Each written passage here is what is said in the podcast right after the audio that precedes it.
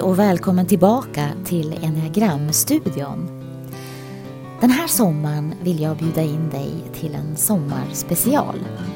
Nio avsnitt där varje avsnitt innehåller en reflektion eller övning utifrån de nio enneagramtypernas olika utmaningar. Och oavsett om du nu känner till enneagrammet sedan tidigare, om du är nyfiken på det eller inte så finns det något för dig att hämta i varje avsnitt. För det är ju så att vi är ändå i första hand människor med tankar, känslor och behov och kan därför också känna igen oss i varandras utmaningar emellanåt. Jag hoppas att det här ska bli en plats för dig att landa på i sommar och ladda om. En plats där du kan känna efter och känna in lite var du befinner dig. Så jag säger bara varmt välkommen in och nu börjar vi. God söndag och välkommen in. Idag ska vi prata om entusiasten, sjuan i enneagrammet. Och sjuan har ju väldigt mycket, det hör man ju redan på namnet, väldigt mycket positivitet och entusiasm som vi alla har glädje av, alla som är runt omkring en entusiast. Eh, det behöver vi lära oss av allihopa, det här med att eh, känna tacksamhet och att kunna vända saker till det positiva, inte utgå från worst case scenario hela tiden. Ja, men bara att helt enkelt se livet mer från den ljusa sidan. Se möjligheterna istället för alla eh, obstacles som ligger i vägen och så. Så vi har mycket att lära där. Men vi kan också lära oss av eh, entusiastens akilleshäl som jag tänker att vi har lite av allihopa. Men där kanske sjuan då är extra eh, mycket eh, liksom kämpar med det. Och det är eh, akilleshälen kallas för eh, splittring. Eh, och eh, frosseri, faktiskt. Splittring och frosseri. Och här pratar vi då inte om en person som mumsar i sig en massa donuts eller så. Utan det man syftar på det är att man, man frossar i framtidsplaner och i allt som är och känns positivt. Det kan ju låta harmlöst, men problemet kommer när man då inte vill kännas vid livets andra sidor, liksom de mörkare sidorna.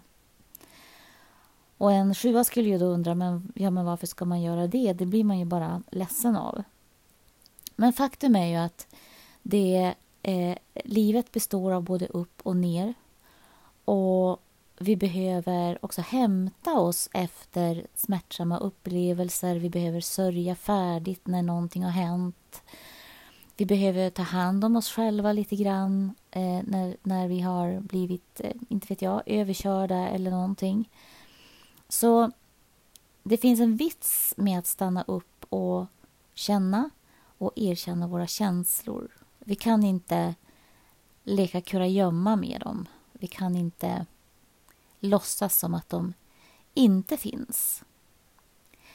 Och Många sjuor skulle nog säga att de har haft en ganska bra barndom. Inte alla, men, men många kanske säger det och verkligen eh, har haft en harmonisk uppväxt.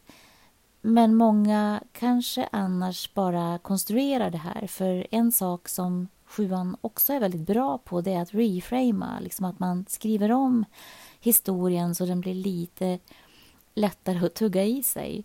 Lite mer positiv än vad den kanske egentligen var.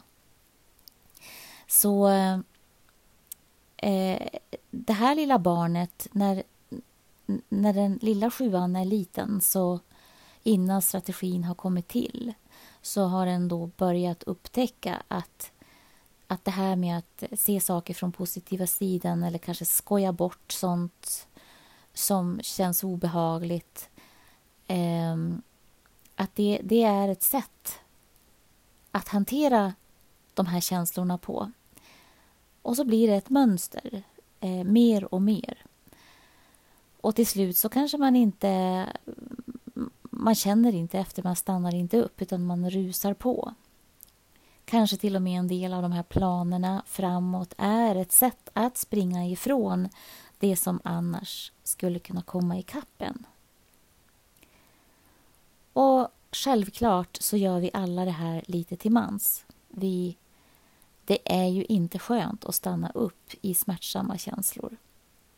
Det tycker ju ingen av oss egentligen. Och så har vi alla möjliga hyss och sätt för oss att eh, göra det på. Um,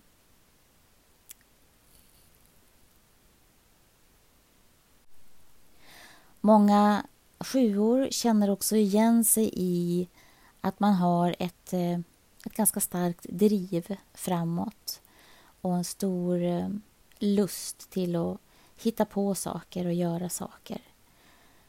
Och um, Det här kan ju också göra att man man har väldigt svårt för att bara vara närvarande här och nu och uppliv, uppleva livet som det är i stunden.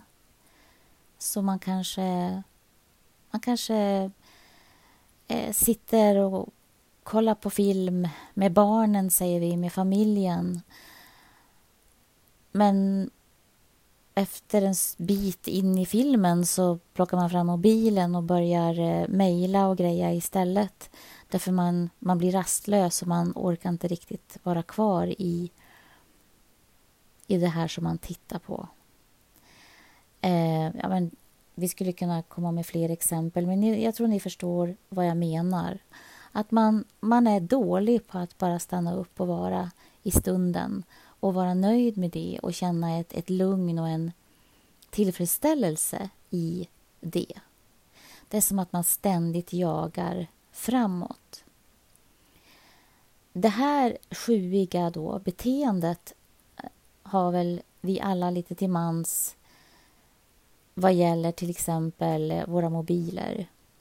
Eh, att vi, vi har dem alltid där, vi kan alltid ta upp dem. Vi står på en busshållplats och väntar någon extra minut på en buss, ja men då åker den där upp och vi hinner sätta oss på tunnelbanan så åker den upp och eh, man eh, måste ha musik i öronen när man ska göra någonting i trädgården eller eh, ja, det är som att man klarar inte av att vara med varken tystnad eller bara här och nu. Det är väl någon form av sjuka som vi har i den tillvaro vi lever i, att allt ska gå snabbt och eh, allt ska också på något sätt vara så möjligt som möjligt. Eh, och det passar ju en sjua väldigt bra, att man tänker i möjligheter. Men det ska också vara Eh, så roligt som möjligt och lustfyllt som möjligt. Så... Ehm, ja, men... Det ska inte få göra ont. Det ska inte få skava någonstans. Och på de flesta områden så, så hittar vi förr eller senare sätt att undvika smärtan och det som skaver. Så för en sjua tänker jag den största utmaningen ändå är att eh, börja känna efter och lyssna in. Och som du kanske har märkt redan även på de tidigare avsnitten så, så handlar det väldigt mycket om det för alla, alla de här nio fast med en lite annan vinkel på det. Vi gör olika saker för att undvika det vi egentligen känner. Vi har olika strategier för att slippa ta tag i våra liv, kan man väl säga. Och att träna sig i att stanna upp och bara vara med en känsla. Sen vad vi gör med den känslan är ju det är liksom steg två. Men om vi inte ens känner efter, då kan vi ju inte veta heller steg två. Eller hur? Någonting som kan hjälpa sjuan, tror jag, att stanna upp det är ju att skapa någon form av struktur i tillvaron så att det finns luckor och andningshål i tillvaron där man, där man har tid att stanna till. Den här äh, splittringen som också var, är en del av akilleshälen och utmaningen den uppstår ju också i alla de här projekten eller idéerna, planerna framåt som sjuan har, eller som vi har när vi är i ett sånt mode.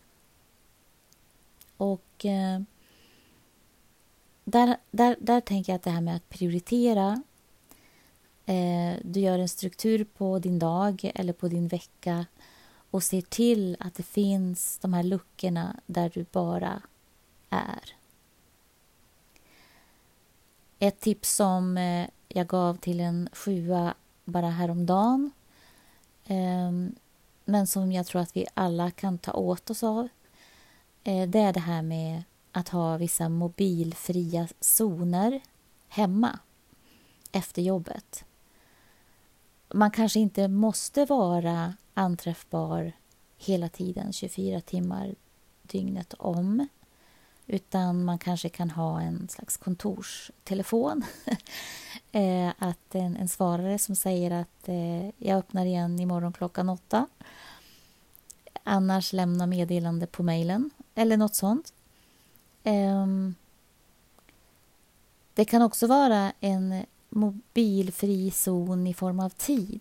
Liksom, Eh, alltså vi säger till exempel att från och med att vi börjar laga mat tills att maten är bortplockad så har vi en mobilfri zon, hela familjen eller alla som ingår i hushållet.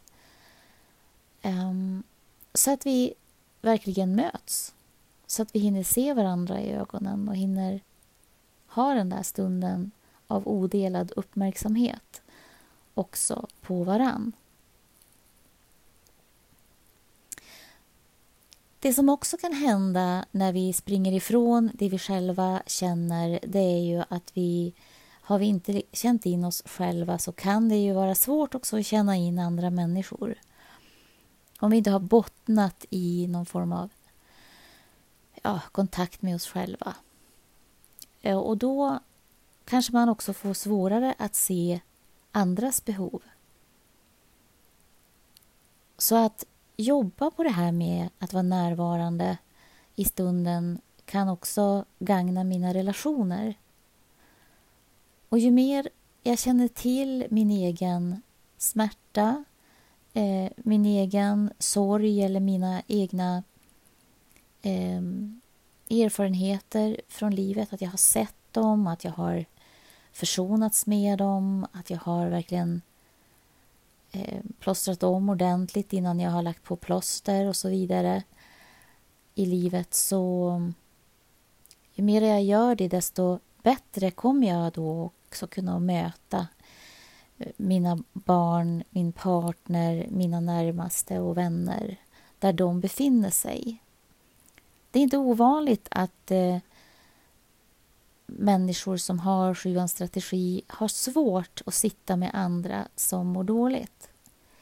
Det, det, det känns eh, hotfullt eller det gör att entusiasten själv blir ledsen och eftersom man inte vill känna den känslan så, så, så värjer man sig från att sitta med människor som är ledsna eller som inte mår bra. Och i nära relationer behöver vi ju kunna göra det. Vi behöver kunna finnas där för andra människor. Och vi behöver också, lite som vi var inne på vad gällde tvåan, hjälparen, vi måste kunna be om hjälp. Vi måste kunna säga att nu, idag, jag har ingen bra dag idag, kan du bara, kan du bara sitta och hålla om mig en stund? Eller vad det nu är, vi kanske vill berätta om någon tråkig situation på jobbet eller vad det är. Och verkligen be om det. Och inte se det som ett nederlag att vi, att vi var lite låga. Vi behöver inte be om ursäkt till exempel om vi börjar gråta. Det, jag tänker på i, i amerikanska program så är det ofta så att om någon börjar gråta så ber man genast om ursäkt om det. Oh, I'm sorry. Eh, som att det var någonting man ska be om ursäkt för, att man blir ledsen. Eh, det tycker jag vi ska sluta med, helt enkelt, om vi, om vi håller på med det. Så jag tänker vi ska börja avrunda här idag. Och jag vill bara säga till dig som kände igen någonting i det här avsnittet att eh, eh, ta det med dig, låt det sjunka in eh, och ta den där möjligheten att eh, man måste inte göra som man alltid har gjort. Utan, och det kan gå i små steg när vi ska förändra. Det behöver inte vara att man plötsligt ska eh, gå i någon sorgebearbetningskurs eller genast ringa en terapeut. Utan det kan börja med att man bara funderar lite själv under sommaren här på, på sin barndom och, och vågar också se de där stunderna när man var ledsen och kanske inte fick vara ledsen, kanske inte fick visa att man var ledsen. Eller att man fick göra det men att man kände att det var inte lika välkommet som när man var glad och sprallig, till exempel. Så eh, ta hand om dig och vi hörs på söndag. Sol på dig.